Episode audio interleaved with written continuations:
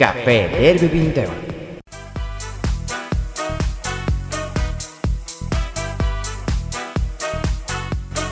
Benvidas, benvidos, benvides ao Café Derby 21 Hoxe voltamos ao noso cuartel xeral nesta temporada Que o piso de Nico Así que estamos ben acollidos, en familia como sempre Tamén ben acompañados Porque a compañía aquí é unha cousa ben importante e por suposto Nico xa sabes que un tremendo anfitrión serviunos aquí uns vasiños tremendos. Por suposto. Eh, vamos a ver, estes vasos non teñen nada de historia, que o programa de hoxe ten bastante, pero que ten historia a nosa relación con Deleite, que decidiron apoiarnos pois eh, fai esta temporada e anterior dúas temporadas apoiando eh, a cultura, o talento mozo en Galicia e a representación de eh, todas as cousas que se fan eh, neste fermoso lugar e eh, territorio. Eh, pero, bueno, maiores diso, pues, eh, aposta por facer un modelo distinto de gandaría e de leite e, bueno, pues, eh, un aplauso por eles que teñen moi merecido por chegar ata aquí aguantando as nosas movidas. Pero, bueno, de, con comimos tomar. De feito, hoxe é festivo cando se está emitindo por deleite. Por suposto. é o día de deleite. claro. non, pero, bueno, imos... oxe, cando se este emitindo este podcast é o Día das Letras Galegas e nada mellor que traer unha das mellores escritoras do, do país mm. que aparte foi Premio Nacional da Crítica, é un icono pop por certo concurso chamado Cifras e Letras, e é veciña de Nico, que eso xa é, bueno, Home. un historión. Ela é Yolanda Castaño. Bueno, e deixastes vos o máis importante, traendo o fío que acaba de explicar Nico, a única poeta, creo que de toda Galicia, de toda a historia da literatura galega, que ten un poema a un vaso de leite, a beber un bueno, vaso de leite. Por bueno, favor. Sí, xa, grazas de leite, un saúdo. Claro, isto moi ben traído, non? Hombre, por suposto, fixéchelo excepcional. E con isto imos renovar unha temporada máis, porque...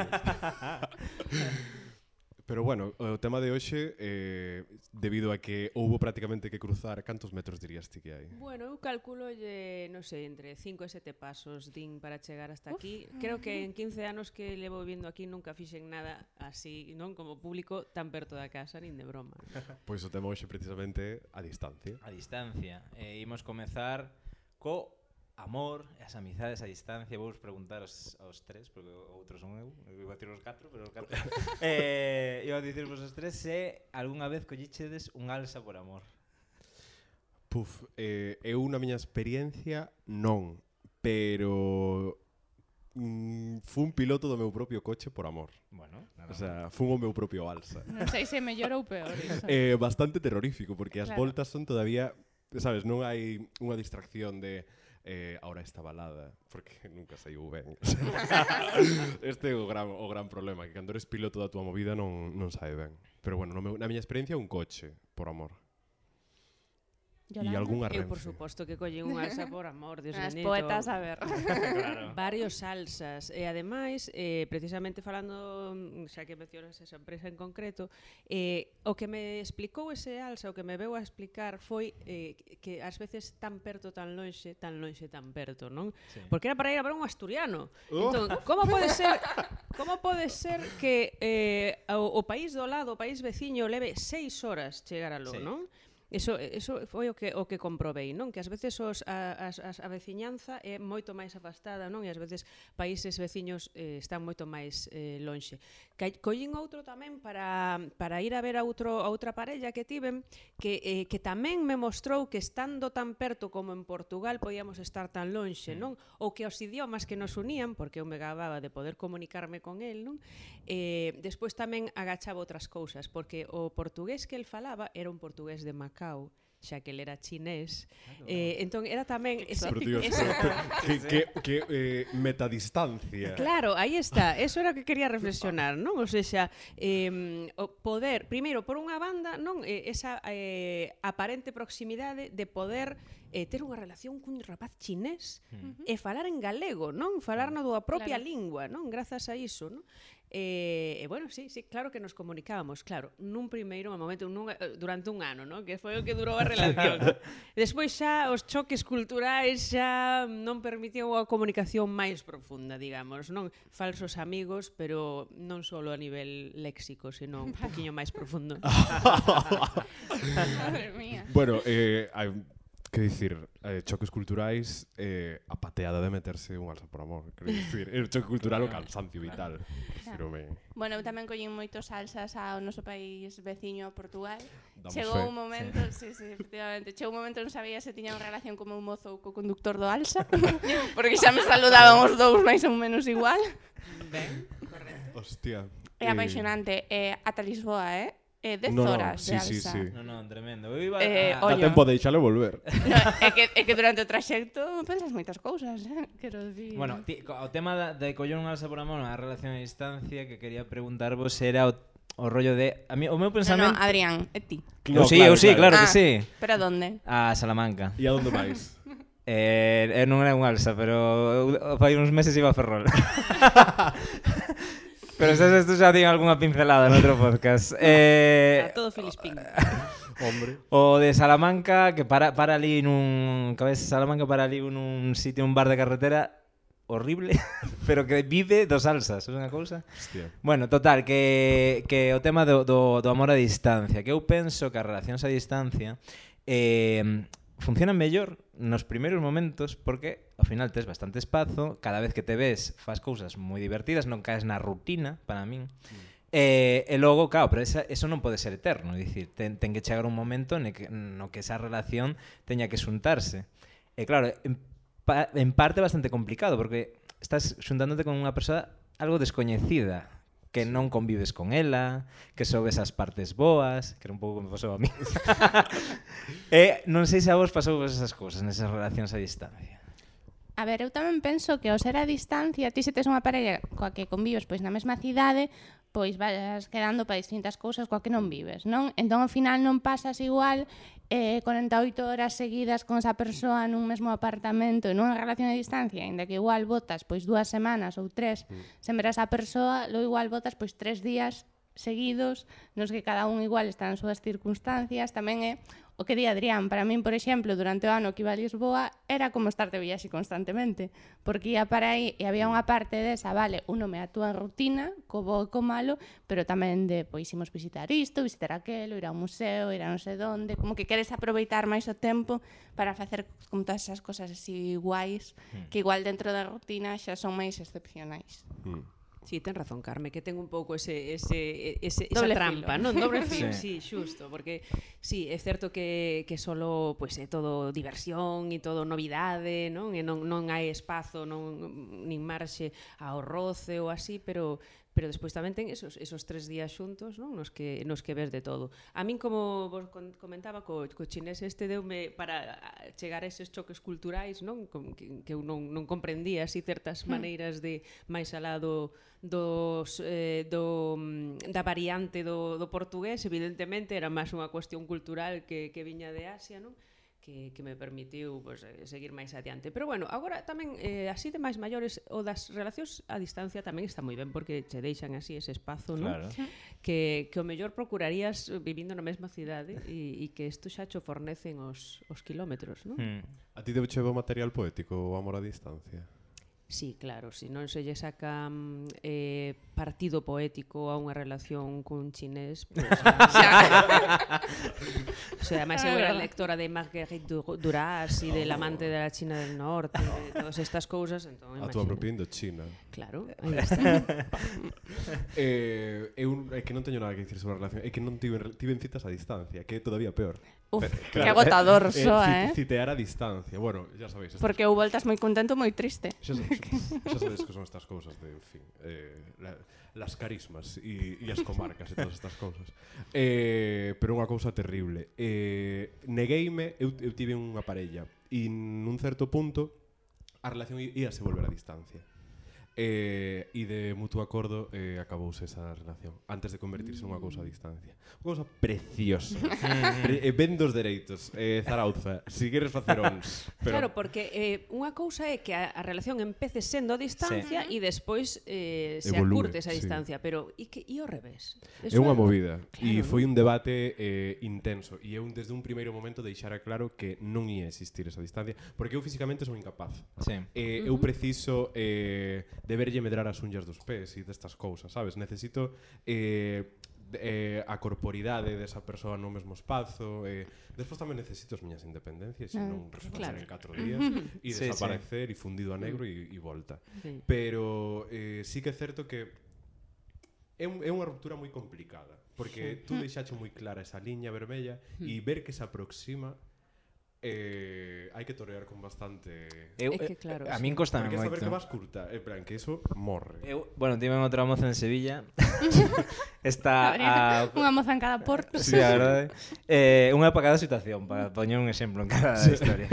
Eh, coñecímonos en Sevilla, pero tiña que volver para Galicia. Eh, decidimos cortar porque aquelo non era eh, viable, no, eh, sí. era moi complexo. A... Pois era o mesmo alza o que vai para Sevilla que para bueno, Lisboa, e íamos xuntos. unha alza a Sevilla cuidado, eh. eh eso xa mima. Eh, claro, eu penso en que... En plan, non só pola distancia, senón polo que podo ir collendo polo medio.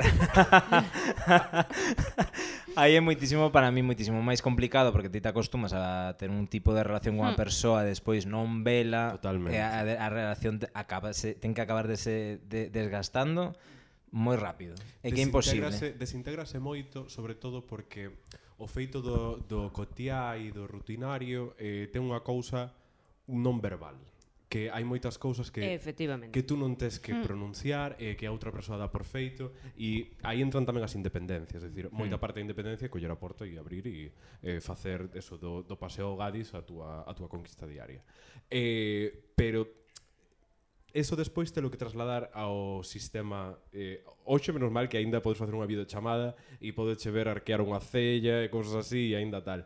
Pero non me quero imaginar eh, no mundo postal eh, todas esas movidas... Bueno, é humor, en plan... No, eu... que se falta o físico... no, que, mira, no, no. hai, unha, hai un dito galego un, un pouco bestia, pero eu creo que é moi certo que é que é como ter pai e telo morto.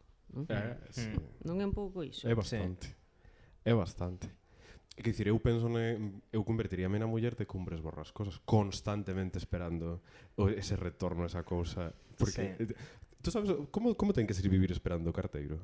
que bueno, te chegue. Unha Penélope aí. Sí, sí, ah, sí, sí. Completamente. Totalmente. Completamente.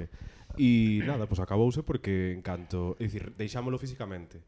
Pero eu xa in, intentamos manter como esa amizade post ruptura uh -huh. guai. Sí. Tipo, deixámolo queréndonos, eh, as situacións mudaron, eh, e a comunicación xa empezou a ser un caos o día 2, porque tú tens que seguir facendo a túa vida. Nunha claro. burbulla completamente eh, allea, distante, eh, cunhas cuestións que tampouco... Que vas explicar? Que no teu super de confianza subiuche o pan de broa. Ai, que horrible, sí. E, e, e, e plantexevos unha cousa. Imaginadevos que levades cunha parella, eu sei, 4 anos. Eh, xurdevos unha oportunidade... Para, media, para moita xente deste, deste podcast eh, vai ser como 4 anos. Moitísimo. No, no, no, o contrario. Hai xente que nos escoita que leva Sí. 15 ou 20, que a mesma... Mm, madre mía. Como diría un amigo meu, cos mesmos xenitais. pois pues imaginadvos que vos xurde un, unha oportunidade laboral ou unha oportunidade así noutro país ou noutra, nun sitio Xa. tal. Eh, que crees que, que, cre, que credes que faríades nesa situación? A ver, eu penso que... Bueno, o sea, eh, ao mellor pasou vos xa. Ojalá. porque ter unha tremenda oportunidade laboral, a verdad, porque persoas hai moitas, pero que tremendas claro, oportunidades claro, claro. laborais Non hai tantas. Claro. Entón, a ver, eu penso que neses casos tens que mirar por ti. Porque sí. ao final podes estar en unha relación fantástica, super a gusto, ser todo genial, pero ao final a vida é túa. Eh, joder, tens que ter prioridades tamén que vayan máis alá de con quen sí. despertas pola mañá ou... Sí, sí. Porque entón... ti, Adrián, estabas eh, planteando que foses ti quen recibe unha oferta laboral interesante, sí, non? Sí, por exemplo, Ay, imagínate que a ti che din eh, tes que vir agora a traballar a, a China. Eu eh, coñezo un caso dunha persoa que admiro moitísimo, que é unha xornalista, non vou dicir o nome porque non hai que airear aquí cuestións persoais, pero un beso desde aquí enorme porque é unha xornalista fantástica, unha persoa cultísima, quero yo moitísimo, e esta situación deuselle eh, pero en lugar dun traballo era unha cuestión académica e era precisamente China. Ah?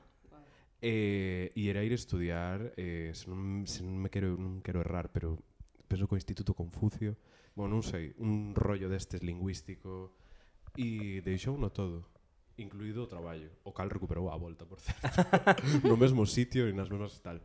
Eh, e ¿eh? para min, sí, para min é exemplo vital de dicir, mm, se o amor é bo, pois pues bueno, eh, pode ou non aguantar, e eu que di, Carmen, non é unha cuestión. Claro. Pode che doer no máis fondo da alma, pero no fondo... Pero dicir, canto tempo era? Porque eu creo que hai que analizar canto tempo vai ser esa, sí. ma esa marcha. Tres días. E en, que, en que situación está a relación tamén? Claro. Porque, a ver, neste caso... En que momento está Neste iso? caso concreto non teño, non teño os detalles. Mm. Eh, sei que o período de tempo igual foi un ano e medio, dous anos. Dicir, son cousas Claro, poníame a longo prazo, non voume un mes a facer un curso ti, ti, Yolanda, eh, elixiría según o, tim, o se é indefinido parecido ou se é un temporal? O máis parecido eran como proposicións de residencias creativas Uf, no estranxeiro, claro. Que organizas ti aquí na Coruña, se queres meter unha meter unha cuña. Eu, aí está. Pero por que os organizo? Porque eu as gocei primeiro, eh, quedei enamorada de aquel sistema de, de, de aquelas dinámicas, aquelo mm, foi do que máis fixo pola miña escrita, eso sí que foi axudarme de algún sí. xeito, sí que foi fornecerme do espazo, das condicións, do tempo para que eu escribiese. o sea, que, que, que son... algo moi relaxante, ten pintas algo moi relaxante. Eh, é moi de inspirarse. Claro, eh, relaxante ou todo o contrario, ou sea, te duchas coas túas eh, ideas. ideas, cos teus temas, que cos fantástico. teus versos, cos tu... claro, é sentirte eh, escritora 24 horas ao día, non? Claro. Sin que as túas obrigas ou as túas distraccións te, pois pues eso, te, te saquen saquen de, dese allo, non? No que estás concentrada. Eh, E a mí me ofreceron eh, precisamente entre unha cousa e outra casi dous meses na China. Estamos ah. aquí re, reconcando na China. E eu estaba moi enamorada naquele momento, e estaba moi ben na miña sí. relación. Eh, e me deu moita mágoa e entón aí sentín porque había outro tipo de residencias que eran tres meses e dixen, xa sei a miña medida eu tres meses se me fai moito claro. agora mesmo pirarme tre tres meses se me fai moito pero dous meses sí e con, con, con certa penilla sí. e nostalgia, mm. pero, pero dos dous meses. Sí, sí, sí. E que tal a experiencia? Claro que... Bueno, mm, depende. Mm, depende cando, momento. cando estás dentro dunha organización, dunha residencia ou así, todo ben. Cando sí. saes á selva, Xa. pois eh, os problemas de comunicación volven a ser tremendos, non? Claro. O, sea, o non entender o funcionamento, xa non a lingua, claro, que, bueno, hai, hai infinitas anécdotas, eh? sabes? Sí. O sea, non hai mostadores de information ou información, non, eh, eles poñen preguntas. Aquí as preguntas. Xa é como é unha maneira de entender distinto, sí. no? E para eso en chinés, claro, nunca entendes nada. Claro, o sea, claro. Ninguén fala inglés. Eh, a xente esquívate pola calle, ¿no? para que non lle fagas preguntas, para que non, claro. non nos poñas nesa situación. Entón, eh, volveste mico para calquera cousa. Entón, que salir de, de calquera organización na que estea todo un pouco máis eh, ordenado é mm, batallar seguido pero sempre interesante, sempre interesante. a mí é unha cuestión que me interesa moitísimo das residencias artísticas, porque parece un tipo de distancia, un exilio voluntario, eh, ten un rollo moi romántico no sentido de que quedarás soas coas túas ideas e coa túa inspiración é como moi de antes, pero de antes rollo moi de antes. Eh? Mm. mm. Estou falando un rollo eh, Polidori, Byron, eh, Shelby, todos ali nesta casa suiza tal, ese rollo. Eh, que me en algún momento. Pero bueno, residencias artísticas, agora hai patadas delas. Pero mm, patadas. Sí, sí, sí. Temos as da Coruña de Yolanda. Fantástico. Eh, eh, siguen sendo en, en riego... Sí, sí, sí en riego de auga, sí. Eh, eu estiven aí na, no piso, fun sí. aí cubrilo. O piso impresionante, eh? Mellor de que calquera dos nosos. Eh, bueno, o sea, sea eu mudaba mañá no, para pa vivir normal, eh? Sin ter que escribir. Sin ter que escribir. Sin escribir bueno, claro. para escribir o mellor se me xurde, pero bueno eh, eh e rollo, unha cousa de, de distancia que despois quería preguntar. Estamos falando de amor, pero as amizades, que parece unha cousa bastante interesante, eu teño eh, deste tipo de, de unha amiga, por exemplo, que mm. vive en mm. Londres, que non falo con, que falo con ela a mellor unha vez cada dous meses, pero podo mañá marchar para Londres eh, e aparecer ya na casa, timbrarlle mm. que quedo ali a dormir toda a semana sen problema tedes ese tipo de, de amizades, non? Sí. Totalmente. As mellores. Eh, e, e son das, das, das estas raciais, podes dicir, hai como unha cousa visceral. Eh, as miñas son a maioría froito de Erasmus. Hmm. Desa experiencia mm. que está como moi agora eh, como castigada e penalizada tipo de familia e tal, pero é, é que é que hai xente moi tóxica no Erasmus. Hai xente moi terrible, pero eu sí que me levei unhas amizades moi moi fondas eh, de unha cartografía, dunha dimensión eh, xeográfica ampla. E bueno, que tamén rachou moitas barreiras e fronteiras miñas internas que eh, pois parte deso levoume eh, a que sexan así. E a cuestión é esta, falamos de, bueno, de Pascuas en Ramos e claro. eh, como se di nos enterros, eh, a ver se deixamos de vernos para estas cousas. Pero sí, sí. un pouco neste neste rollo, sempre nos falamos cando un está mal e como estou fatal, preciso eh, dunha sesión non pagada. Claro, claro. E pero bueno, son eh, levo mellor as amizades a distancia que o amor a distancia. O sea, Moito bueno, teño mellor. amigos cos que non cruzo palabra en todo o ano, pero a única vez que nos vemos, igual pois imagínate, somos un grupo e xuntámonos pois tres días días no verán. E dis, "Buah, é incrível como pasou un ano e, e parece que foi onte a mm. última mm. vez, e tedes como o mesmo humor, as mesmas bromas, coñecedevos super ben. Entón, é unha sensación moi guai, porque entre déjà vu, pero ao final tamén hai como a mítica reunión na que, vale, que foi da túa vida? Claro. E, e hasta te sorprendes, non? Porque perdes ese fío de estar constantemente dicindo, ai, cambiei de traballo, cambiei de non sei que, sí. tú, buah, ves como a evolución, pero ao mesmo tempo é como volver a casa, sabes? Claro, claro. Eh, volver a ese sitio. Axuda moito eh, es conversas cos amigos a distancia para dar darte a ti mesmo conta de que na túa vida pasan moitas ah, cousas. Ah, sí, sí, sí, mm. totalmente. Claro, porque faz esa narrativa da túa eh, vida, non? O sea, faz o relato para poñerte o día. Poñámonos o día, pim, pim, pim, non? Eh, eu, eu teño a amizades a distancia e ademais podo enganchalo co tema das residencias ao mesmo tempo rezando, non? O sea, eh, esas amizades que efectivamente volves a verte e é como que non pasou ningún tempo, claro. non, non hai esa distancia mm. de tal cal e ademais que me presten a casa para facer unha residencia de gratis, non? O sea, de, eh, vamos marchar para un 15 días ou un mes a, a praia, podes eh, usar a nosa casa sempre que nos cuides a Sor Juana, Sor Juana e a gata, e, e nos, e nos eh, regues as plantas e esas cousas, sí. encantada, non? E tal. E despois tamén pasa unha cousa, bueno, sabedes que eu viaxo moito, non, hmm, co sí. tema da poesía. Eh, nós temos unha pandilla internacional de poetas. Madre mía. So, moi ben ou moi mal? Claro, claro. Eso... Esto, esto... Créeme que moi ben. Sí. Créeme vale, que moi ben, porque son precisamente esas amizades como as que farías nun Erasmus, como as que farías mm. nun campamento compartido, sí. como as hmm. que vas mm, indo á praia cada cada unha vez cada ano. Mm eh, eh e, hai unha serie de xente que viaxa tamén, como a min, e eh, que acabamos coincidindo, pois desta volta en Chipre, eh, dentro de tres meses en Alemanha, e que volvemos a vernos e, buah, que pasou estes últimos tres mm. meses? Conta e tal. Eh, e ao longo dos anos, pois seguimos eh, mantendo esa amizade Joder. e acordándonos os uns dos outros no Nadal ou cando pasa algunha cousa ou alguén recibe un premio. Temos unha pandilla internacional poética, é eh? maravilloso. Os, mm. os Avengers da, da poesía. un, un rollo polo estilo. Pero rollo Pero eh, onde é o sitio máis random onde tes así para ir a facer a residencia unha casa para que vayamos os catro un día a facer un, un podcast?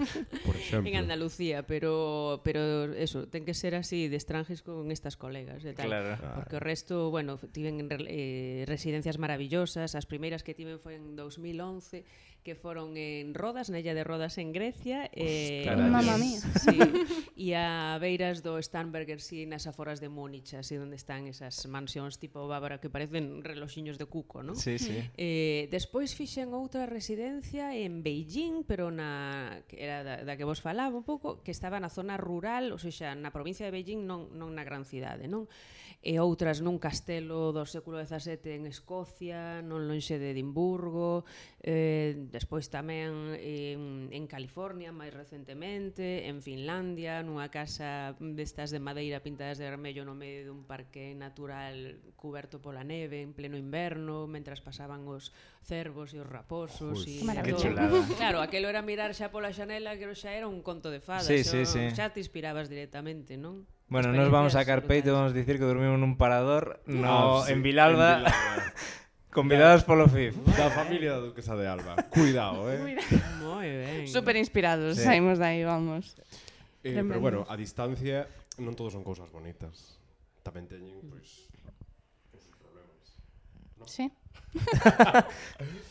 Carme, eh... Carme olvidouse que ten non, que introducir... Oh, non, no, eu vou preguntarlle a Yolanda porque tardaches moitísimo, moita distancia nas túas últimas obras literarias.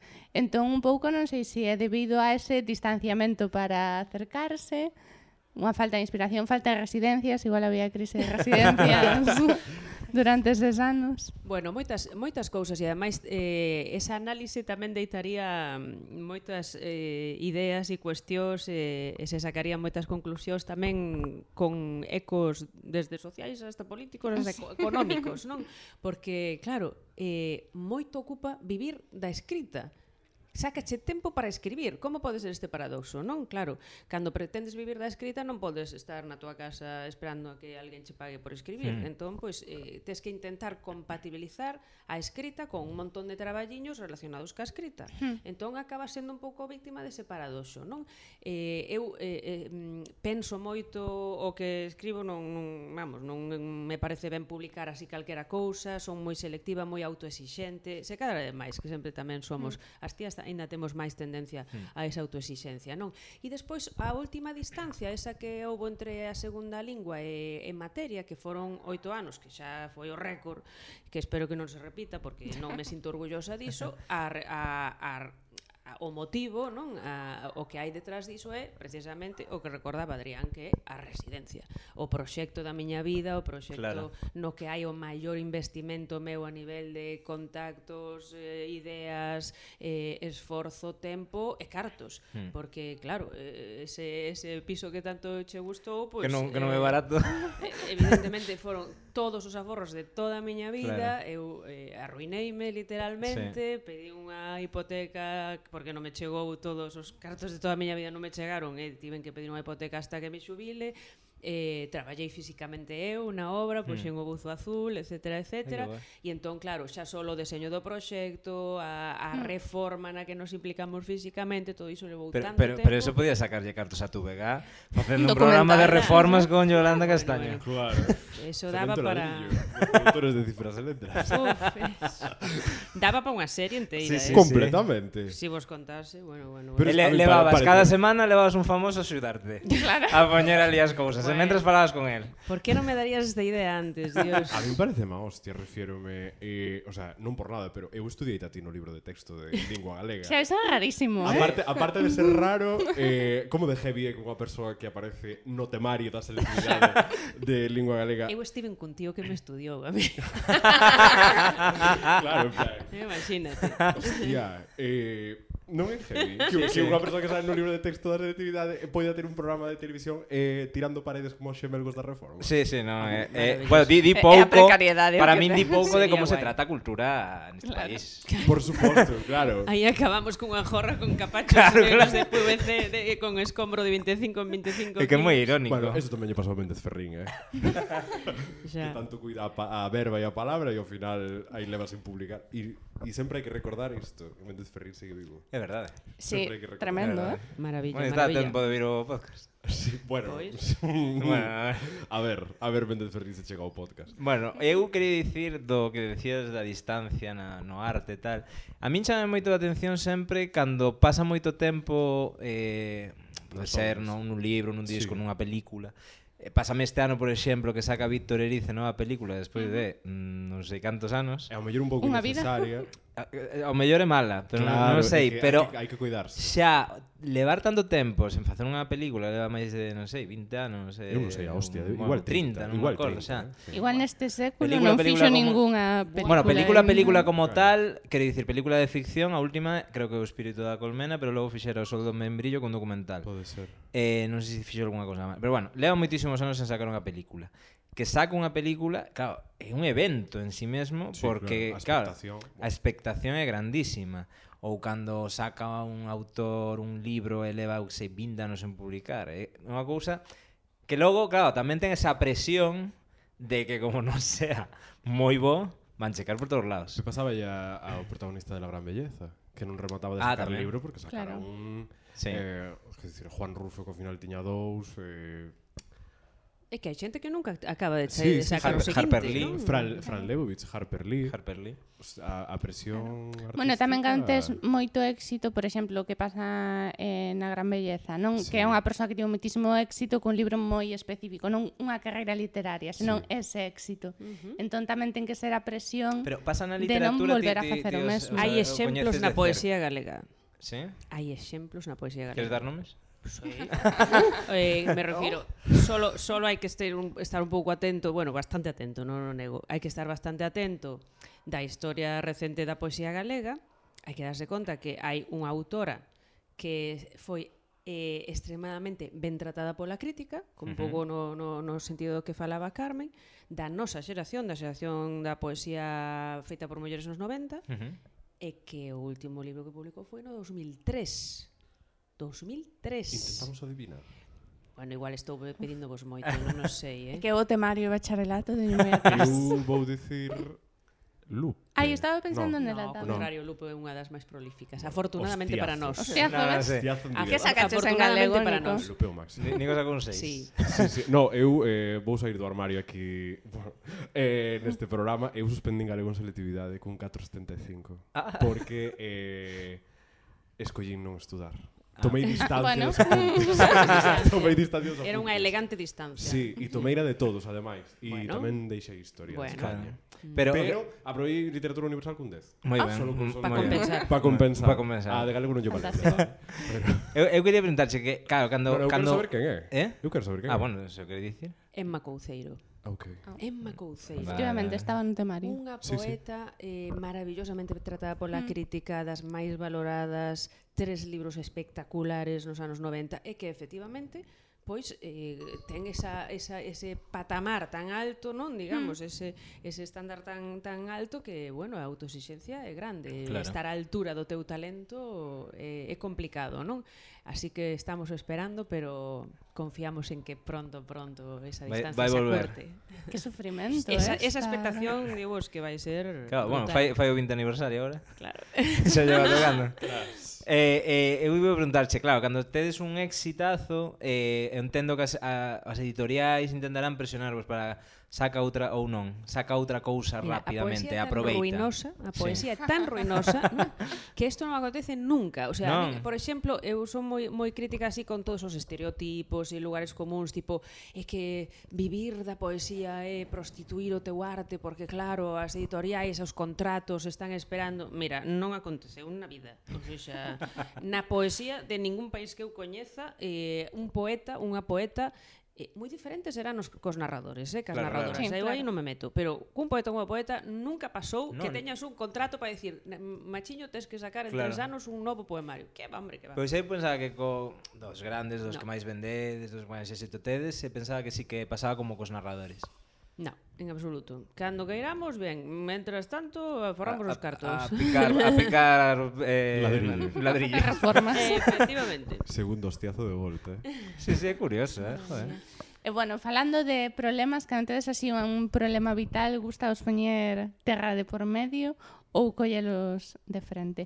Que ás veces, inda que os problemas non sexan físicos, inda que sexan movidas mentais, Eh, para mí, por exemplo, escapar do lugar físico onde a miña mm. cabeza está dando voltas e voltas sí. é eh, man de santo. O sea, un, un mítico paseiño. Flipas. Eh, mm. vamos. A ver, eu prefiro solucionar as cousas, falalas no, no momento. No, tú todo. Sí. Tú, eh, a mitad de Argentina, cando hai resolución de problemas, sale. O sea, salta a mesa. Sí, sí, a ver, claro. A ver, logo acaba fatal, porque nese momento o mellor tiña que estar ah, en pero frío Pero tampouco pensando, falo pero... de problemas que sí. con outra persoa, sabes? Imagina que tes... Con outra persoa? te. No, no. Claro, o contrario, digo que sei. Ah, non, problemas teus propios. Claro, tes sí. un, o que sexa. Este curro unha movida, unha merda, tal. Eh... Sí, ou tes que mudarte da eh, túa eh, casa porque pasou non sei que cousa, ou subiron todo aluguer. Necesitas ou... ir a dar un paseo e relaxarte. Claro, esa distancia vos axuda a distancia física a enfrontar os problemas metafísicos. Eu eh, sempre nestes casos sempre me refiro a isto, bueno, Eh, cuarta temporada da serie Girls, eh, Xoxana vivindo en Tokio, mm. eh, regresa a Nova York despois de tres episodios fantásticos.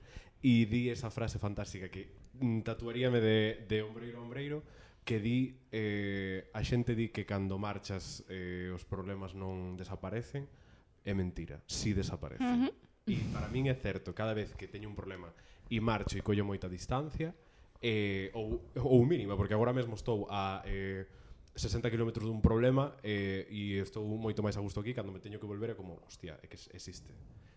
Mm, No, no, no. O sea, sí, sí, sí, sí. A, a favor da distancia. A distancia Voto a favor eh, da distancia. Eh, sí, sí. Os problemas e que sexa un fin de semana que te vas por aí a... O que sexa? Xa é sí, como sí, sí, sí. Soxana en Tokio.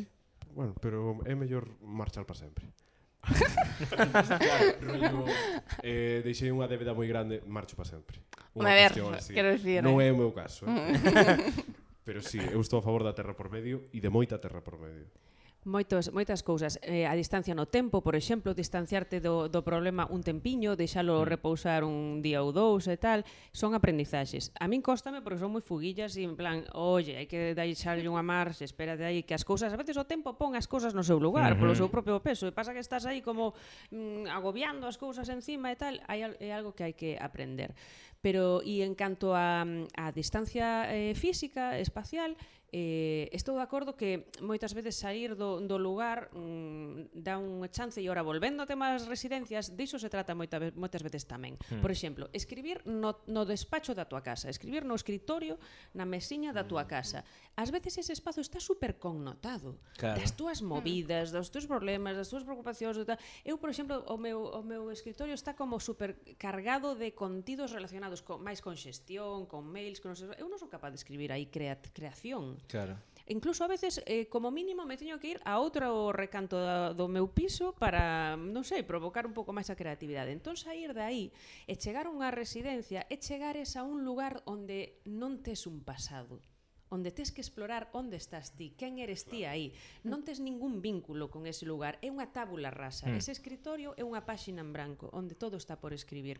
E aí é onde podes explorar eh, fora das túas teimas de sempre, das túas expectativas, das túas inclinacións do que adoitas acabar escribindo, e podes es explorar unha nova ti e, e tamén un novo vínculo con ese lugar. Por eso, ese, eso que te saca un pouco dos teus, das tuas teismas de sempre, creo que é enormemente eh, estimulante para a creación. Claro.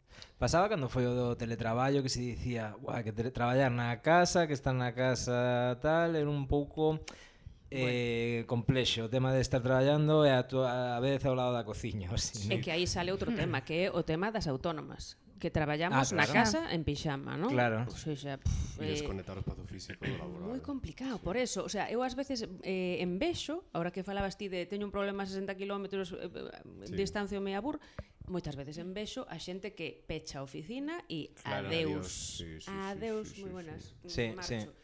Eso é super importante, todos os psicólogos analizan que eso está genial, esa distancia, non? Claro. Sí, totalmente de acordo. E logo, pásame a hora da creatividade, ao final, bueno, eu traballo xornalista, como coñecerá a xente que escoite este podcast, eh, e claro, estás no día a día metendo eh, cousas nada creativas, pero chega algún momento no que tens que facer unha, unha reportaxe así, no que podes eh, sacar unha parte máis literaria. E pásame que teño que ir botar un cigarro á terraza, para nese momento pensar os párrafos máis creativos do texto. Tranquilo, se, se quedo Hemingway. Sen... Eu en plan, la cocina de... porque escribo, bueno, eh, eh, rollo, pero sí que necesito eh, distanciarme un momento de donde estuve escribiendo, porque si sigo en ese momento escribiendo no se me ocurre nada, quedo súper bloqueado, inda que se sepa escribir una chorrada, eh, necesito ese momento de levantarme da mesa e dar un paseo, un paseo mínimo, un paseo á terraza do, do sitio. Eu, eh, para, para non tampouco danar o que significa a distancia, tamén quero engadir que cando pos terra de por medio, as cousas positivas tamén se resaltan. Cando colles moita distancia dun problema, eh, as cousas que pasan moi desapercibidas no día a día, que son moi positivas na túa vida, eh, adquiren outra dimensión. Eu, por exemplo, cando marchei de Erasmus, eh, puxen en valor pois eh, unha cidade que tiña trilladísima como podía ser Lugo, eh, pois puxen en valor moitísimas cousas da miña familia, mm. que ao mm. mellor parecíame ou dábanse por feito e coñeces outras situacións familiares eh, de outra xente e empezas a valorar, a valorar cousas que saen da norma por por positivo e iso tamén aporta a distancia. E é eh, o pequeno fío que pode quedar cando marchas voluntariamente e é ese pequeno fío que pode tirar de ti para que volvas sí. de vez en cando e que pode rematar nun retorno mm. finalmente. Se, se estás coitando unha persoa que teña posibilidades de facer un SICUE, un Erasmus ou unha residencia artística, sempre pa sí. diante. Sempre sí, sempre sí. Animadísimos desde aquí. Estou de acordo ademais que falando de distancia eh, non, non deixa de ser falar tamén de viaxes que moitas veces os complexos e os complexos de inferioridade veñen directamente de, de viaxar pouco. Sí. Mm. Porque os, as veces tamén as soberbias tamén veñen de, de viaxar pouco, pero os complexos de inferioridade tamén, non? Ás veces a xente, ah, isto é unha merda, bueno, sí. porque non viaxache moito. Bueno, outro día sei un mapa en Twitter de eh, un gráfico de ducharse Ay, que España e Portugal eh, religiosamente o resto de Europa eh, sí. unha vez cada tres días. Lavábanse máis en Italia. Eh? máis incluso que na península ibérica. Eh, Italia creo que é un país do que se salvaba. Italia Pero Francia, Alemania, todos estes Non volvemos falar de Francia. Estamos atravesando unha relación. Pero vamos, os, os eh, a zona latina moi ben. Por supuesto. Eh, o sea, curiosamente os pigs Sí, os que, sí, os que nos chaman os pigs son os que máis lavados estamos. Isto como sempre. Eh, bueno, e sobre os problemas da distancia, tiñamos tamén que falar sobre a equidistancia é o problema de non de quedarte a medias. Hmm. Eh, se queredes fusilámoslo rapidamente para coller o, a última parte. Eh, a equidistancia, eu estou moi en contra da equidistancia. Estiven unha temporada vital. Equidistante? Sí, moi a favor da equidistancia. eh, por estas cousas eh, ultra neoliberais que mamas dos medios de comunicación de eh, ni esto ni lo ni, otro. Ni, no, ni racista ni no racista. Ni racista ni no racista. que se maten. O sea, ¿sabes? Este rollos. Y... Feminista ni machista. Sí, paracaidista. Eh, sí, un pouco desta, destas movidas. E tiven esta etapa equidistante 18, 20, que xa podías exercer o dereito ao voto, refírome, sí. moi peligroso. Sí. Eh, e despois adquires conciencia de verdade. Non, non quero claro. pensar que adquires conciencia de verdade. Moitos adultos teñen demostrado que non. Eh, e aí onde a equidistancia tórnase real, o sea, a equidistancia para min é sinónimo de aliado da opresión. Sí, sí, sí sempre. Sí. O, sea, de ignorante. Ou de ignorante. Mm. E ¿no? para mí sí. é o gran problema da equidistancia en todos os aspectos vitais, é sí. dicir, eh, non, non aproximarse a unha postura e eh, apoiar a contraria. Uh -huh. Totalmente. Xa, a ver, é, é unha cousa que o que dicías ti, os medios neoliberais eh, sí. Eh, incentivaron moitísimo, sobre todo nos últimos anos da equidistancia e tal, vendendo como un discurso centrista, e puxeron de que foi cando de Ciudadanos está super de moda. Totalmente. como exemplo de centrismo e non sei que Pero eso, ao final é como isto de cando votas en blanco, non? Que favoreces o... Sí, hai un rollo o que máis, como máis votado, non sei como esta historia. Pois pues un rollo deste Eso deste quedou estilo. desenmascarado, eso de yo soy apolítico. Sí, sí, sí. sí. Xa, xa, xa. Apostólico. Xa, sí, sí. Nazi, o sea... Sí. Eh, de Ciudadanos que entraba, eu cando fixen o máster este de, de comunicación política, tiña un profesor que me encantaba que dicía Ciudadanos de centro extremo. que bo, sí, moi bo, moi bo. É moi guai. Eh, bueno, a equidistancia moi ben fusilada rapidamente. Sí, sí. Estamos en contra, é eh, que claro. non hai máis. o sea, estamos contra, é que contra. non somos equidistantes con isto, estamos claro, claramente no eso, en contra. equidistancia non somos equidistantes. Efectivamente. Que gran, que gran grupo de personas. É que non podemos nin dar argumentos, Porque, simplemente no. A ver, que é unha cousa moi fácil de, de estar en sí, contra, verdade. Sí. eh, bueno, para encamiñar e encarrilar a última parte do programa, eh, volvemos a esos eh, seis pasos que deu Yolanda eh, ata... Que veu, vi, veu a ver a reforma do... Ela que aparta agora, sabemos que é especialista en reformas. Totalmente, eu le, levo vendo a evolución desta, deste edificio durante estes últimos meses e quería ver como quedara. Pois pues fíxate que, que estás estupendo, eh? Nun Nico, moi ben. Un coqueto apartamento de uns 57 metros cuadrados eh, que ao mellor queda libre nuns meses, non se sabe. Eh, bueno, non se sabe, non se sabe. Eh, de que color diríades que por fora? Que eu tive en este debate, este edificio? Azul, non? Vale, sí, pero... Eh, ah. Cromática, vamos a... Eh, Houve unha especie de enquisa popular, porque que saibas que eh, originalmente era gris, ou so, durante moito tempo era okay. gris, e entón iban a, a repintalo porque xa tocaba, e entón fixeron como unhas catas, así no, ah. na parede, a ver que tal quedaba que tal quedaba... No, porque antes non era gris, claro. Probaron de gris, probaron un marrón, marronciño así claro no. ou algo así, E eu pensei, prometo, non é por quedar ben, pensei, dios mío, pero coa de, coa de paleta que hai, coa de colores que hai, co ben que quedaría un azul con branco, por exemplo, que é unha mm. cousa que, que na que se recunca nesta, mm. nesta cidade e tal claro. e cual, e, e acaban poñendo gris. Pero pues, ahora pues, fixeron azul, no, todo no. gris, ahora non. Ahora, ahora é azul, non? Durante un tempo sí. foi gris porque despois esa cata... É azul, azul Depor, non? Eu... Eh, eu ia dicir azul tíralo. Klein oscuro. Eso, que azul, de... azul clen oscuro. en plan, de Girls and the Gays. Claro, que aquí referentes. Bueno, eu, aquí... eu creo que lle gustaría ser azul clen oscuro. Claro, eu creo que máis ben azul depor, pero bueno. Claro, azul depor, non? Eh, eu tiven que definilo para unha colega nosa, eh, Uxía, un saúdo, eh, que eu dixenlle que o meu edificio era azul pavo real. no, é máis clarito. No. Eh, sí, sí. E ela perdeuse, non foi capaz de chegar a casa porque non foi capaz de encontrar un no, edificio azul pavo. Claro, claro. Eh, pero bueno, eses seis metros que nos separan é eh, o que chaman eh, pois a veciñanza, hmm. a, a proximidade. E fixemos un programa sobre a distancia que comezamos cas longas distancias, pasamos ás equidistancias e as cousas intermedias e imos rematar coa proximidade. Eh, xa que somos do mesmo barrio, que non vamos dicir tampouco... Bueno, xa se dixo anteriormente, pero non vamos repetir hoxe. eh, xa que somos do mesmo barrio, eh, esta sensación de barrio, eh, esa proximidade coa outra persoa, eu non a teño tanto aquí, quizás porque non teño a, a raíz botada todavía, no meu barrio de Lugo, eh, vamos, eh, late o meu corazón. Dueño e señor. Sí, o sea, late o meu corazón por o barrio da Abella. Eh, non vamos a engañar a ninguén. Moi ben. Eh, porque aparte, eh, barrio obreiro eh, racializado e eh, discriminado por moitísimos motivos, entonces, eh, a favor.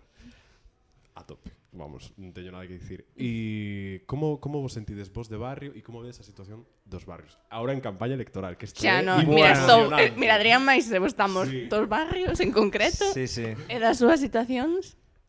É Que, Que- Estamos facendo artigos sobre isto, aclaro, claro. Desde que eh. desde que me mudei eh, en setembro ata agora, notei un cambio no barrio estrano.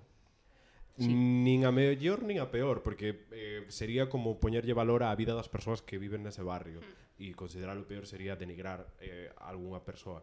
Pero mudou nunha dirección estrana. E isto sí que é certo. Mira, hai sí. zonas da Coruña, hai unha a zona da Coruña, creo, se non me equivoco, que está así por onde está Juan Flores todo iso por aí, mm. creo que non ten asociación de veciños. Por que? Porque non a necesita, porque son, son, viven ta, riquísimos, é sitio maravilloso. Asociaciones de veciños 15.004, 15.004. Por, que por aí, non? Claro. Os que necesitan esas cousas, ao final son os barrios máis eh, non vou dicir pobres, napolitanos, pero máis de clase media, clase obreira, mellor dito, non? Clase obreira ou clase media eh, que son os que necesitan esas cousas, porque sí que están bastante abandonados e só se acordan deles en campaña. Correcto. Todos os partidos. Sí, sí, sí. Do primeiro ao último. E agora si, sí, agora escoitan todo e tal, non sei que, cando cheguen, cando se pasen as eleccións, pois nada, estará as cousas igual. Eh, pero sí que é unha cousa moi bonita o de o, o que se está perdendo para min o espírito de barrio, de uh, estar cos veciños, tal. A mí en Vila non teño esa sensación porque eu vivo no centro de Vila Arcia, cal, son 15004 de Vila 15004 de Pero bueno, aquí na Coruña vivo na Falperra, eh, a ver, non son parte de tal, pero bueno, xa así que é o meu hmm. o meu sitio aquí. Pero bueno, algún soño con ser veciño de Monte Alto. Oh. Tremendo barrio. Claro, claro. Como Carmen. Claro. Bueno. A mí o que me gusta es, eh, dende que vivo en Monte Alto, é que eh, é super familiar no sentido de que ti estás aí, eu son como a estranxeira que está nunha zona nova e notas que todo o mundo se coñece, se saúda, sí, sí, sí. É como que sí que teñen esa red de apoio que claro, non encontro porque eu non, non coñezo todavía, sí. non teño esa relación cos, cos meus veciños. Pero a min gusta moito do, do tema dos barrios, da cercanía, o ter lugares habituais non, no que te coñecen ou polo menos te recoñecen mm. e ti o mesmo, non? Por exemplo, a mercería onde vou, pois a que me suban a basta dos pantalóns que home, pois non temos unha relación moi estreita esas señoras máis eu, pero bueno, entro pola porta, elas xa saben ao que vou, xa sei quenes hmm. son elas, xa as atopas, hmm. pois mm. imagínate no supermercado visualmente mm. o recoñeces ou a persoa que te encontras xando canto las mañáns ás oito e media mm. que logo ves ás cinco da tarde tomando un café e dis, ai, pois mira, chao entón non como esa colectividade que eu penso que tamén favorece despois como a calidade de vida, non? Porque coñecer os teus veciños sí. tamén fai que se tes algún problema destes heavy, pois pues unha portiña a que timbrar que ou a que petar que non ven mal nunca. Bueno, a vosa relación estás eh, subindo e baixando como unha basta e eh, bueno, porque eres unha rapaza porque de aí a de que lado cargas falta pouco, eh? Digo. Bueno, eu eh, como xa estou collendo un pouco así feitos eh, xeitos de, de tertulianas neste podcast eh, be, quería eh, ser polemista. Moi ben. Eh, vou sentar unha polémica, pero gorda, eh, heavy, eh, bueno, que pode pode abrir aquí un Vou vivir no 15.004, eh. eh, Monte Alto está sobrevalorado. Uh. A mí gusta moito. Uf, Inés, eh, Inés, Inés Rey eh, acaba de dixar. É que sabes que pasa? Eu tampouco podo facer unha defensa férrea ¿eh? porque non vivo en Monte Alto, Monte Alto, vivo... Eh... Precisemos Monte Alto porque hai atochas, hai a torre, claro, hai Monte Alto, Monte Alto... Eu vivo Alto... ao lado da avenida de Navarra. Claro, xa. Claro. Mm. Hmm. Que eu, que, que eu digo, vivo Monte Alto, pero non o DIP eh, no, Monte no, Alto. No, eu non coñezo no, DIP no, Monte Alto. Claro. Eu coñezo zona do Parque da Torre, eh, o meu piso é zona pois da Rúa da Torre, que xa vai cara ao centro, que sí, é nesa rúa claro. onde está a miña mercería de confianza, mercería La Torre, efectivamente. Correcto. Ves? Bueno, eu recoñezo que con esta opinión me quedo bastante soa, non é nada popular, pero eh, acabo de sair do armario eu tamén para, oh. atrevéndome a, a sentar esta, non abrir este Pero por que dis que está Monte Alto está sobrevalorado. Moi ben. A ver quen se atreve a a estar de acordo comigo. Non non creo que moita xente, pero bueno. Bueno, eh, non sei, eh, a, a disposición urbana non, ah, non ten nada. Vaya contra completamente. Eh, arquitectónicamente non ten interese. Feísimo. Eh, bueno, no, quero decir, Non acabo de verlle o hai eh, hai outras, por exemplo, as atochas, a torre e tal, ben, vale, pero pero así o Monte Alto, eu non sei, non creo que está moi literaturizado, que eso é o que lle axuda sí. e tal, pero incluso non sei, os os locais e tal tampouco son tan interesantes. Bueno, toda esta cousa colectiva, non, esta eh, idealización do barrio está contribuindo a, a que suban os prezos exageradamente. Ah, eso sí, sí. Claro que esa é a narrativa de Monte Alto, que é como levar claro. ao pequeno niño que pasou por míticos barrios de Madrid da movida, sí, sí, sí. Malasaña, Sobrevalorado todo iso. no económico, non? O sea, quero decir, eh, eh, e todo o mundo aso, asume, non? Sobre todo, o, moitas xeracións mozas, en mm. sentido moi amplo, asumen este é o meu barrio. Uh. Eu non podo aspirar ao centro, eh, acaban demandando tanto Monte Alto que acaba Monte Alto máis caro que o centro aínda, non? É un pouco delirante todo. Pero bueno, mm, non quería ser tan polemista. No, moi interesante, eu xa non creo que vivir en Hai que o lugar Pero queremos aquí polémicas, queremos non, pero, que o que decía cando cando contaba que eu era unha estranxeira ali, Claro, porque tamén é un barrio moi de familias, de xente que notas que levan toda a vida e xeracións e mm. logo hai e os eh, os que nos coma eu. Inditex. No, no, ojalá. No, no, ojalá ter o soldo pero desa xente. Pero, ese pero monte, sí, monte alto para Claro, non, pero logo xa, sí, sí, é unha xeración de xente sí, nova sí. que está vivindo na mm. Coruña pois os seus primeiros traballos, pois 20 sí. poucos, 30 sí, anos. Sí, sí eh, non que temos ese rollito de gusta a vida urbanita da cidade, mm. pero hai que cuque a mercería e a claro, panadería claro. tal que eu confeso que eh. Comercio eh, de proximidade sí realness. Aí estás esa, esa, esa Digo cheu, sí. que que dicir? Digo eu. Eh, digo eu. É moi reconfortante para os urbanidas sí. como hipercapitalizados decir boa frutería, sabes? Eh, como... Eu é que... Eh, non o perdindo de todo. Quizáis a única persoa que me coñece, bueno, agora xa teño unha amiga no barrio, eh, a outra única persoa que me coñece neste barrio é eh, o do kebab mesopotámico. Ah, moi, mira, wow. moi bo kebab, eh? E dime, compadre, dime, compadre compadre. Ya, ya no es amigo, que amigo es... amigo un típico, doctor. Claro, un pero compadre. prácticamente. Sí. Compadre, y dime, eh, kebab con queso, menú 1, digo yo, por supuesto. Cuidado con Peñalacentes, eh? No, no, no, no xa Peliagudo, eh? Peliagudo. E o Barcañí levado por chineses. Hombre, por favor. Barcañí levado es, por chineses. E está atas mil das horas abertas sí, sí, sí. que a min ás veces... Eso, eso é unha cousa moi chula que está pasando. Eh, moitos hai bares, fixeime que hai bares por aquí por a Coruña de bares de toda a vida uh -huh. que o leva a xente china. E este combina a carta, eh? Mantén uns sí, sí, no, é que ten xa parte un plus. Ten, ten algunha cousa ten estética, pero logo fan a tortilla pero toda a historia. Pero tamén o California Roll. Ese é moi, ch- moi chulo, parece ah, moi guai. Sí. É que este barrio, the place to be. En plan, Monte Alto é o pasado e este lugar un pouco presente. Estamos combatindo aí. A ver quen quen se nos claro. muda máis. Pero é certo que tes razón que este, bueno, este un barrio obreiro sempre o foi e tal, eh, e está mudando, está nun momento convulso, vamos sí, a decir, extraño, aí extraño que aínda temos que ver cara onde vai, non? Sí. Porque bueno, moita nova construción e tal, pero tamén despois outras forzas que compensan sí. a balanza e tal. Estamos nun pulso ver, extraño, non se sabe exactamente en que dirección sí, sí. vai tomar, porque de verdade que é un 50-50 moi moi aproximado. E non me gusta ninguna das dúas direccións, sinceramente. Gustaba de setembro. Pero é curioso que os, ba os barrios obreiros, os barrios tal, só melloran cando son invadidos, entre aspas, ou invadidos sí. por xente con pasta que vende outros lados. Pasou moito en Estados Unidos da xentrificación que se denunciou bastante de barrios que o mellor era un barrio mm, pobrísimo, sí. pero de repente que tiñas no, na tenda 24 horas estas tal, batidos detox porque a xente que vivía por ali eh, claro. consumía batidos claro. detox e tiñan eh, como uns alipostos sí. porque os iban vender. Claro. O tema é que a longo prazo o detox conquista a, ao estanco, sabes? Literal, claro, claro. Vivan los estancos. Aquí algo moi significativo é que seguimos tendo un locutorio, Nico. Completamente. Eu creo que eso é un feito elocuente en si sí mesmo, non? O seja, es, ese tipo de locutorios, non? Hmm. Con eh, produtos de moitos lugares do mundo, o sea, hmm. que, que parecen así uns sitios pequenos, humildes, un ultramarino humilde, e logo entras e hacen cousas de todas partes, non? E a veces a ignorancia é moi bonita, eu ás veces eh, disfruto moito da miña ignorancia, non? Entón, por, ej por exemplo, ainda recordo ese anuncio que poñía, se venden ayacas. Ostras. Que bonito, non? Se Sí, venden sí. hallacas. A secas. Que será isto? O sea, non é, idea, non é non? para min porque non me interpela. Pero era un claro. gran anuncio, en plan, Sí. debe ser algo importante, ¿no? E, e, e valioso e interesante e atractivo. Se venden hallacas, non? Que, que guai.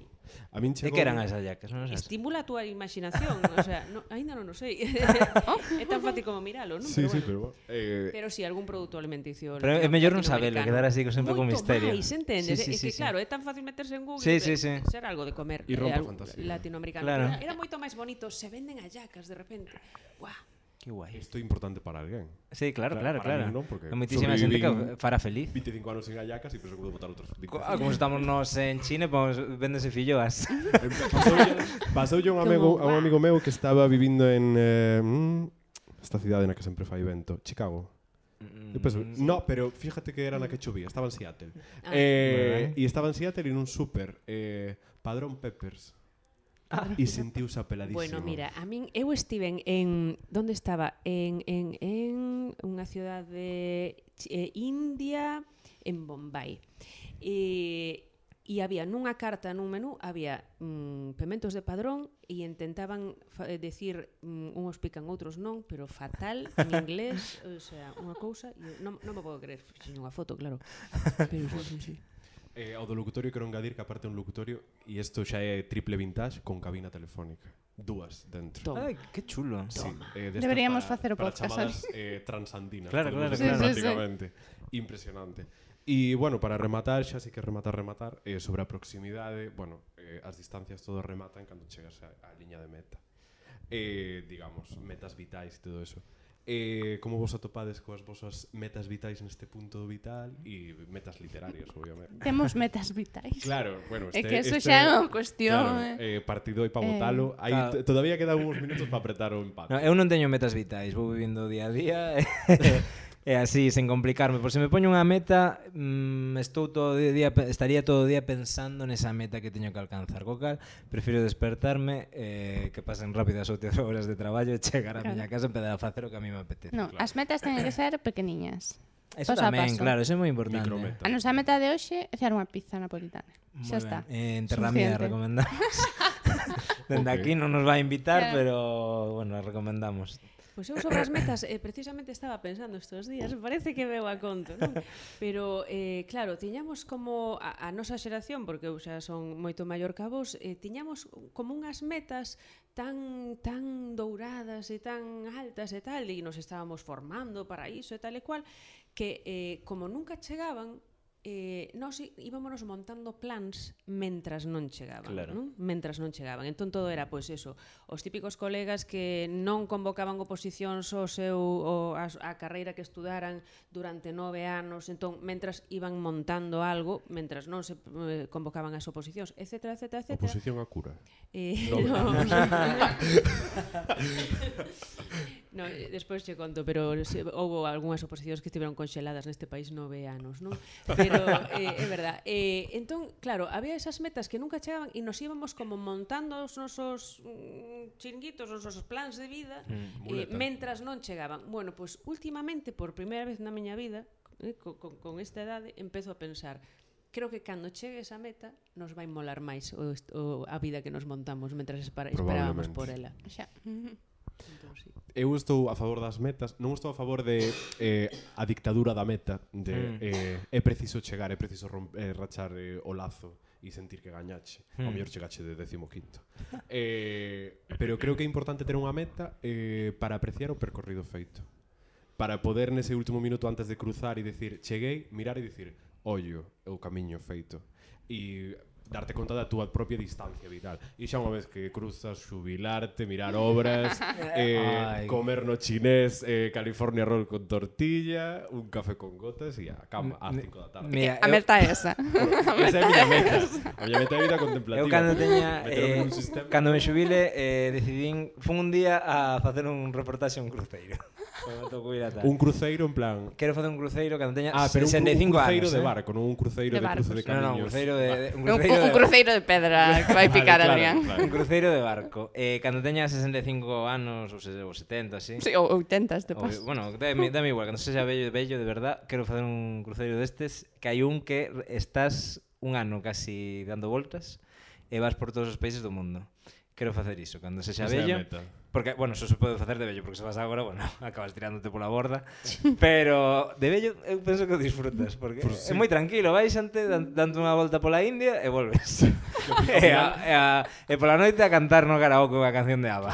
Por, ai, e o día firmo, seguinte, despertaste, firmo. estás en Xapón. E dir, bueno, vou dar unha volta. Firmo. Maravilloso. E eh, logo das metas, e que estou de acordo con Carme, hai que poñer metas pequeniñas. Sí. Mais, mais que, claro, o que dicía eu, o mellor estaba equivocado. Era máis ben poñer metas pequenas de Pois eh, esta semana quero eh, ir cer aquí, eh, facer o podcast que quede chulo e eh, facer este report por exemplo. Mm. Estas tres cousas, claro. e xa está. Esas son as tres cousas, as cumplo e quedo satisfeito e feliz. Claro, tamén o que contaba Yolanda de que na vosa xeración tiña desas grandes metas porque había esas grandes esperanzas. Claro. Non xa chegamos cando non había nin esperanzas. Claro, tamén influen. A, a sociedade entón, sen esperanza non certo. che permite ter metas. Claro, xa non... A non, supervivencia. Non tivemos a oportunidade de xerar metas porque xa as víamos claro. como... Ti, ti da xeración xe, non? Sí. E, e que que aí erades... Xabarín. Aí tiñades como pensades que ibas cambiar o, o mundo. Esas No, pensábamos que simplemente que se si estudiabas te colocabas ben e que consigas un bo ah, traballo, ah, ese tipo de cousas, claro, o sea, claro, además, claro. Eh, fomos criados nesa época do traballo que mamaron os nosos pais porque sí. mm, os meus pais sí que che devolvían ese relato, claro, o sea, claro. a xente que eh, se formou durante aínda aínda o franquismo e tal, mm. eh, eles me recoñecían, mira, Yolanda, te eh, estudabas e E traballabas, entrabas, sí. e traballabas aquí, alá, non sei que, e si, e si estudabas bastante xa, vamos, un, Olvídate, un posto claro. guai, sabes? Sí, sí. Plan. E aquí houve moita xente cando se foi toda a construción da, da autonomía que, bueno, que incluso pues, a, a, algún non, non tiña tanta formación, pero todo o mundo se iba colocando e tal, non? Entón, aínda tiñas esa idea de, bueno, si estudias e te preparas, consigues un bo traballo e tal e cual, ou, ou si destacas por algo, hmm. alguén te chamará de algún claro. lado, non? Por exemplo, eh, si estivermos noutro país, ahora mismo nestas mesmas coordenadas temporais, pero noutro país, por exemplo, a, a mí a veces me dicen, "Buah, se estiveras en Cataluña, pois pues estarías co que sabes ti de poesía mundial e de poesía claro. europea e non sei canto, estarías, aínda que sea de, dirixindo o último departamento do, do, do Instituto das Letras Catalanas ou do Ramón ou de non sei que non, de algunhas mm. institucións e tal. Aquí nunca te vai a chamar nada de, de ninguén te vai a chamar para nada, por suposto. No, nos en Cataluña estaremos en Radio Primavera ou medias. Vamos. Exactamente. Aquí non te vai chamar nunca ninguén, ninguén te vai buscar a ningún lado. Xa podes destacar o que queiras, xa podes sí. ser o máis non sei que, a máis non sei canto. Entón, máis vale que te montes ti a túa propia vida, non? Sí, sí. Como, como conclusión, hai que fozar. Ah. hai que fozar. Sí. Que fozar. Para todos pa lados. chegar á meta hai que fozar. Totalmente. Por distancia. Totalmente. Eh, bueno, pues os agradecementos e o peche. Vai, eh, vai pensando, Yolanda, claro, unha canción, ah, unha canción. Tens que dicir unha canción para pechar, pero te, tens aí uns minutos para pensar. Claro, basta. Dios. Un minuto e medio polo menos. Eu eh, doulle as grazas a, uh, o obreiro que puxo o chan para que Yolanda poidera cruzar sete metros. Eh, oh. Doulle grazas ao formigón armado eh, que sustenta esas plaquetas, eh, ás veces bastante cochas, por certo, alcaldía de Iners Rey. Eh, e moitas grazas a, a propia Yolanda e a todos nos por estar e a quen escoite por chegar ao final do programa. Que nos escoitan na distancia. Na moita distancia. Na distancia. Ollo, eh? dicir, eh? que eu ás veces entro nas estadísticas globais e temos, parece ser, aí 10 persoas que nos escoitan en Texas con unha frecuencia un pouco rara. Claro. Que ao final Pero... é moi guai conectar con xente coa que tes moita distancia Flipas. física. Bueno, na que estexa en Pontevedra, quero dicir, se non nos vimos nunca. Claro, claro, claro. Eh, e nos comenzamos grabando A distancia tamén. Esto tamén, tamén, é verdade. Grazas a distancia. Bueno, se nos vedes por aí, saud saudádenos. sí. Ese está. De moi de preto. De moi... e nada, grazas a... A Deleite. A Deleite, por suposto, que, que bueno, que faríamos sen, sen Deleite. Non estamos en Radio Primavera, pero temos a Deleite que mellor. E a 20. E a 20, por suposto e a distancia que nos separa de María Yáñez que, bueno, eh, son dúas Animamos de aquí a María sí. Yáñez a que, que eh, ten eh, eh, 88, para mí é un código postal. 88.000 proxectos, María Yáñez non sei como durme, pero eh, que faga Radio 20. Ai, que bonito sería. E que faga así a nosa prima, propia Radio Primavera. Ojalá. E algún agradecento máis, non? Eu non teño, non quero a tanta xente. e damos ya gracias ao, a pizzería Terramía, que vamos ir agora. Pola cena. eh, bueno, e... Yolanda, a túa canción. Bueno, hai un a- eh, boleros, hai boleros con distancia, non? Por Por favor, Palabra os distancia, solo se me ocorren boleros, non? Sí, contigo sí. na distancia, contigo en la distancia. Que bonita non? Alejandro Que tema. Fernández. Por favor. Ter unha, bueno, unha versión que Bueno, pues por fin este podcast eh, despídese cun bolero como Un Dios bolero. manda. Y las estrellas a la distancia, amada mía, estoy.